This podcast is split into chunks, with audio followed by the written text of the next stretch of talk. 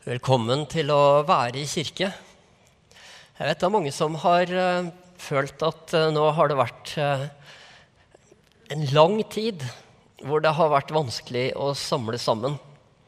Og nå åpner vi opp, nå som høsten er kommet. Og vi håper jo Det er jo ingen som vet åssen dette utvikler seg, men vi håper jo at vi framover kan være sammen i kirke. Fordi det som flere har sagt til meg, som de har merka i denne tida, er at det skjer noe med troa når man ikke kan være sammen. Når man er alene, ikke kan gå på gudstjeneste, ikke høre forkynnelse, ikke være sammen med de andre som også tror, så er det som om troen på en måte forvitrer på en eller annen måte. Som om den er en, som en terrasse som ikke får olje om høsten, eller et eller annet sånt. sånn. Det blir ikke det samme. Menighet er noe som er viktig.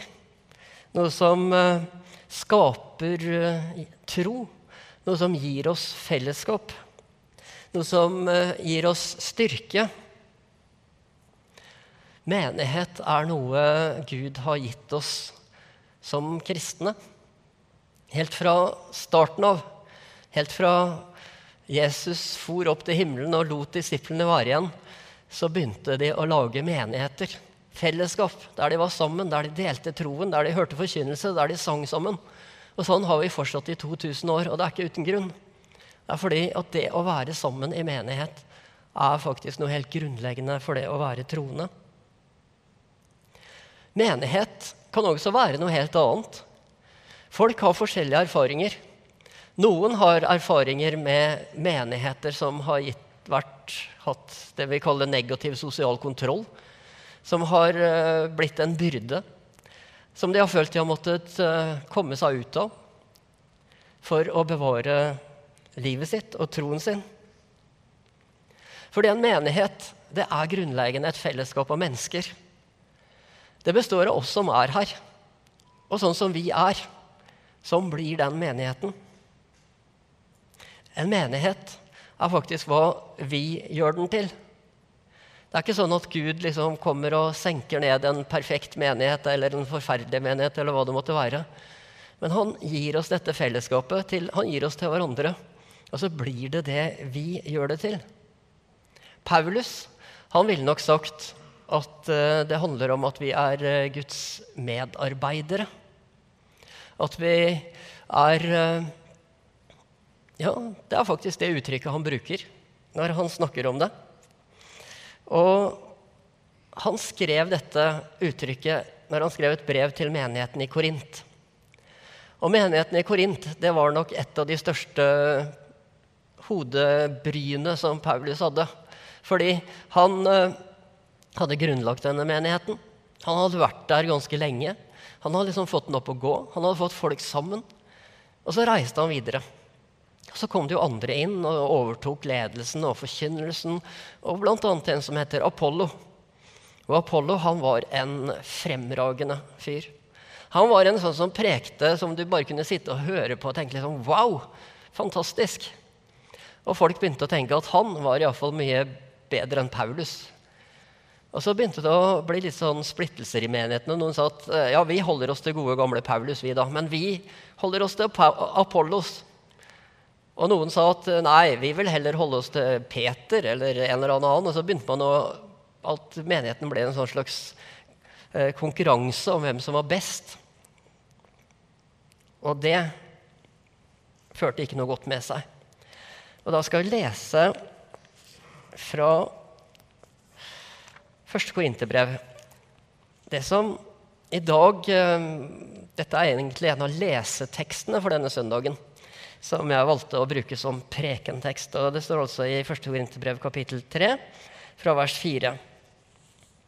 Når en sier 'Jeg holder meg til Paulus', en annen 'Jeg tar Apollos', er dere ikke da blitt som alle andre mennesker? For hva er vel Apollos, og hva er vel Paulus?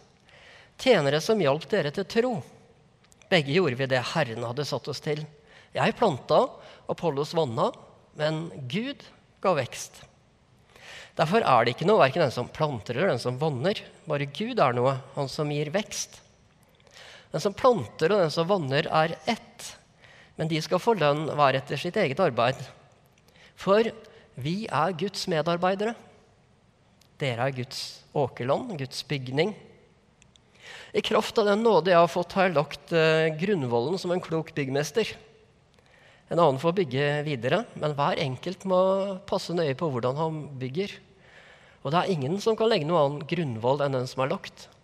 Kristus Jesus. Vi er Guds medarbeidere, sier Paulus. Eh, han snakka om lederne der. Han snakka om seg selv og Apollos og de andre. Men egentlig så gjelder det jo alle folk. For i en menighet så er det ikke sånn at det er noen forskjell på de som er ledere og de som ikke er ledere, eller de som er pastorer og de som ikke er pastorer, eller de som forkynner og de som ikke forkynner. For i en menighet så er vi alle sammen egentlig på samme nivå, alle sammen. Vi er alle ansvarlige. Eh, og Derfor så er det viktig å tenke at jeg er Guds medarbeider. Du er Guds medarbeider.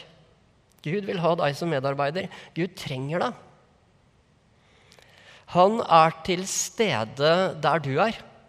Og gjennom deg så vil han virke på de menneskene du møter. Hvilke arenaer er det du lever på? Og her tenker jeg grovt sett at vi har tre arenaer som vi tilbringer livet vårt på. Eh, det ene er familie og nære relasjoner. Vi bruker mye tid på å være sammen med familie, de vi er venner med, de vi henger sammen med, vennene våre. Den andre er, og dette er veldig vidt, verden. Dvs. Si alt utafor det området der. Sånn som jobben vår, fritidsaktiviteter og de store utfordringene som vi kan eh, stå overfor når det gjelder den verden vi lever i. Arena nummer to. Og så har vi en arena nummer tre som heter menigheten. Du er med, du har liksom livet ditt disse tre stedene. Eh, fra det nære til det store. Og det er ikke sånn at menigheten er et alternativ til de to andre. Eh, som man kanskje i gamle dager fikk et inntrykk av at du skal holde deg borte fra alt som hadde med verden å gjøre. Liksom Gjøre minst mulig der, for du skal bruke mest mulig tid i menigheten. Det er ikke det som er poenget. Men menigheten er som et slags tyngdepunkt et eh, sted det går an å komme og få styrke, eh, inspirasjon, til å leve livet sitt på alle de arenaene vi har.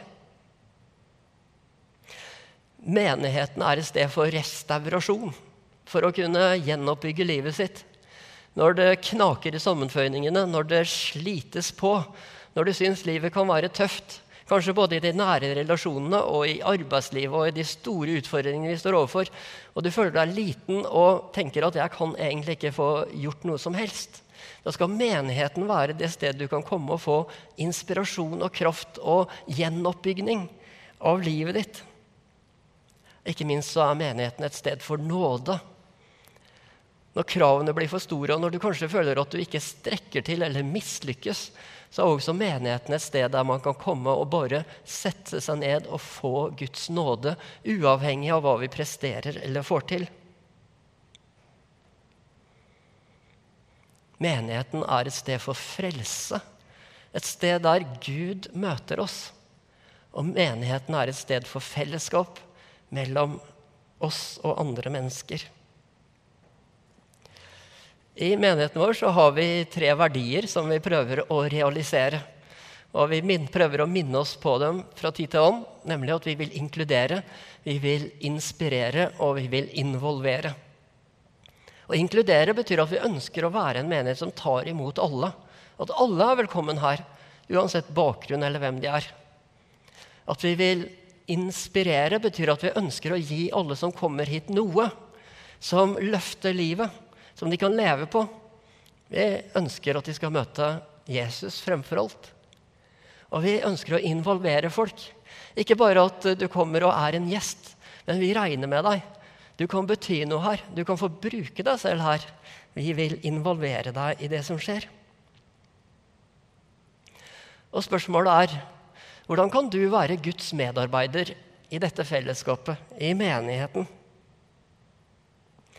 Her har jeg også tre punkter.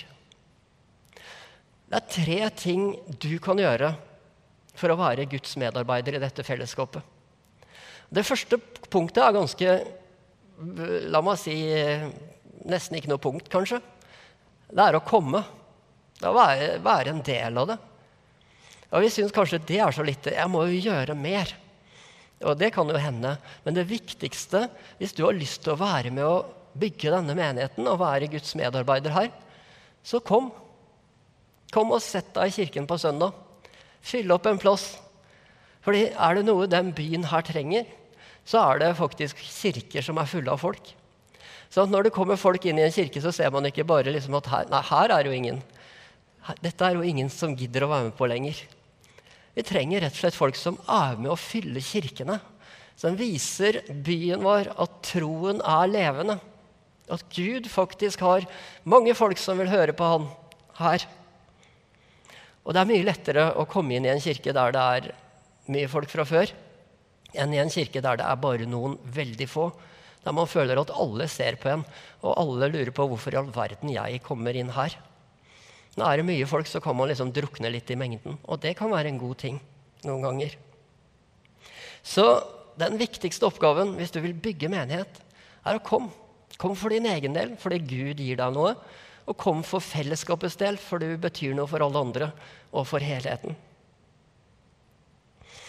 Det andre, å bygge relasjoner, eh, det er kanskje et litt eh, fint ord for rett og slett eh, å være vennlig.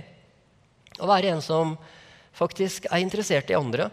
Som smiler, som har lyst til å snakke med noen. Som tar litt initiativ. Som inviterer noen med på kafé eller på hjem til seg. Som har lyst til å være sammen med mennesker som er interessert i mennesker, som bryr seg om mennesker. Hvis du bryr deg om mennesker, så er det automatisk en som bygger relasjoner. For da er du nysgjerrig, og du har lyst til å bli kjent med folk, og du har lyst til å inkludere noen som kanskje er litt alene. Husfellesskap og bibelgrupper og hva vi kaller det, det er noe vi ønsker veldig å utvikle videre i menigheten vår. Små fellesskap der folk kommer sammen hjemme og prater sammen om troen og livet og skaper fellesskap. Det er noe som er så verdifullt at vi oppfordrer alle til å ville være med i en sånn gruppe. Det skal du få mer, flere muligheter til utover høsten. Så bare ha det i bakhodet. Og det tredje bruk gavene du har fått av Gud. Gud har utrusta deg. Gud har gitt deg noen gaver som du kan bruke. Um, det står, Noe av det fineste jeg vet, det står i 1. Peters brev, kapittel 4, vers 10. Der skriver Peter til folk i en menighet og sier, 'Tjen hverandre hver med den nådegave han har fått.' Som gode forvaltere av Guds mangfoldige nåde. Det vil si, alle har fått nådegaver av Gud. Du har fått nådegaver av Gud. Det vil si, Gud har gitt deg evner og anlegg og ting du kan gjøre. Og bruk det. Bruk det for å tjene hverandre, sier Peter. Bruk, bruk det for å bygge Guds menighet, ville Paulus si. Hva er det du kan? Hva er det du er god til? Hva er det du eh, kan bidra med i et fellesskap som her? For de andre. For barna, for tenåringene, for de gamle, for barnefamiliene, for hvem som helst. Hva, hva kan du? Jeg når jeg skulle lage denne prekenen, så satte jeg meg ned og tenkte Hvem er det egentlig som har hatt betydning for mitt liv? Når det gjelder Hvem har vært Guds medarbeidere som har gjort at jeg har beholdt troen? At jeg har havna her som jeg har havna? Hvem, hvem har vært viktige? Og jeg tror de fleste av oss, hvis vi tenker sånn, vi tenker kanskje Familien er nesten alltid viktig. Um, utenom dem Eh, det jeg kom til, og som kanskje var en litt sånn eh, dårlig opplevelse for meg selv, var at jeg kunne ikke nevne en eneste pastor eller prest som hadde betydd så himla mye for meg. De hadde liksom vært litt sånn fjerne skikkelser der borte. Så de hadde ikke betydd så, betydd så mye. Men venner hadde betydd veldig mye. Kompiser, folk jeg bare hang sammen med, sparka fotball med, hørte på musikk med. De betydde utrolig mye. Selv om vi kanskje ikke alltid hadde de dype samtalene. Men det var folk jeg var sammen med, som også trodde. Vær venn. Og så var det noen folk her i menigheten som gjorde spesielle ting for ungdom. Og nå skal man jo kanskje ikke nevne navn, men jeg har lyst til å nevne noen. For det er noen som er her i dag som jeg tenker på. Når jeg var tenåring, så betydde de faktisk ganske mye. Fordi de skapte arenaer der jeg kunne være tenåring i kirken. Vi har en som sitter bak der, som heter Knut Strømsbo. Uh, Knut var uh, juniorleder i mange, mange år. Uh, junior det var liksom ungdom fra 13 til 18. Tenåringene. Og jeg har tenkt på Det ikke, tror jeg ikke var verdens mest takknemlige oppgave, skal jeg være helt ærlig. Det var en gjeng med for Hvis jeg tenker på meg sjøl Jeg var jo ikke noe koselig tenåring, egentlig, som oftest. Jeg var en sånn bedreviter som aldri var fornøyd med ting. Men sånn som Knut, han møtte opp hver eneste fredag her i kirka for å lage en arena der ungdom kunne være. Og jeg tenker En annen som måtte slite med oss, som sitter her nede, da, Kåre Breda. Kåre Breda drev kor. Ungdomskor.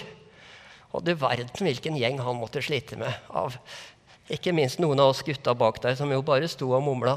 Og stort sett aldri bidra noe så særlig positivt som jeg kan huske.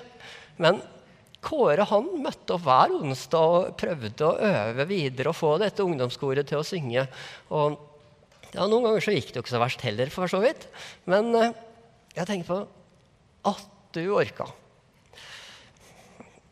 Å skape denne arenaen som folk kunne være på i all sin uh, ungdommelighet og tenåringstrass og hva det måtte være men å skape et hjem i kirka.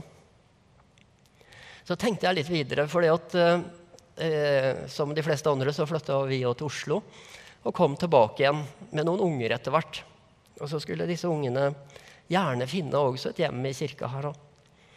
Og hvem var det som var her? Hvem, hvem betydde noe? Og da må jeg si Bjørn Gabrielsen. Speiderleder gjennom flere mannsaldre, kan det virke som. Eh, som, som sikkert eh, ikke alltid syntes det var like gøy å ligge i telt i regnvær inne i en eller annen skog i indre Østfold en novembernatt sammen med noen gutter, eller hva det nå var, som hadde slepa seg ut dit. Men som skapte en arena der man faktisk kunne komme og være noen viltre gutter som kanskje ikke akkurat syntes det morsomste i verden var å løfte hendene og rope halleluja, men som likte å være sammen i Guds natur. Eh, eller, som en, eh, eller som en som Mona Gjelseng, som skapte det som kaltes Monas klubb fra ingenting. Som ble en sånn relasjonell ting der mange ungdommer kunne treffe hverandre og henge sammen og, og virke med det som betydde mye for mine unger når de vokste opp. Uh, her kunne jeg, Det som er farlig med å begynne å liksom nevne navn, er at man kan fortsette å nevne i det uendelige. Men jeg skal stoppe der. Uh, bare for å si, men tenk, Hvem er det som har betydd noe for deg? Hvem betydde noe for at du er der du er? Hva var det de bidra med? Hvem var de? Hvem betydde noe for ungene dine, eller hvordan det nå var? Og kanskje kan vi tenke det viktige spørsmålet da eh, hvem, er, hvem kan jeg være? Hvem kan jeg være for noen? Hvilke, hvilke arenaer kan jeg være med å skape? Sånn at folk kan tro, sånn at folk kan finne fellesskap. Vil du være en som betyr noe? Vil du være en som betyr noe? Vil du bruke de gavene du har?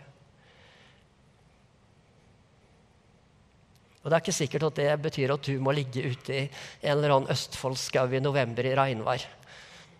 Det er ikke sikkert at det betyr at du må møte opp hver eneste fredag for å prøve å få noen uh, sure tenåringer til å trives i kirka.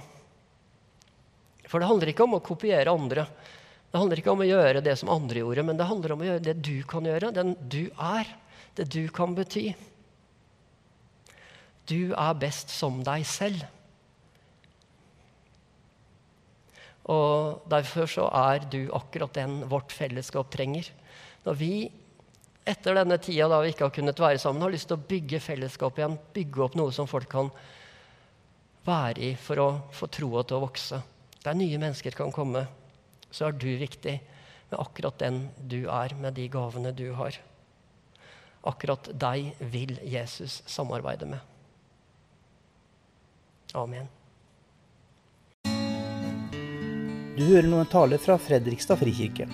Vi holder til i Apenes gate 7. Velkommen skal du være. Ønsker du mer informasjon, finner du det på fredrikstadfrikirke.no.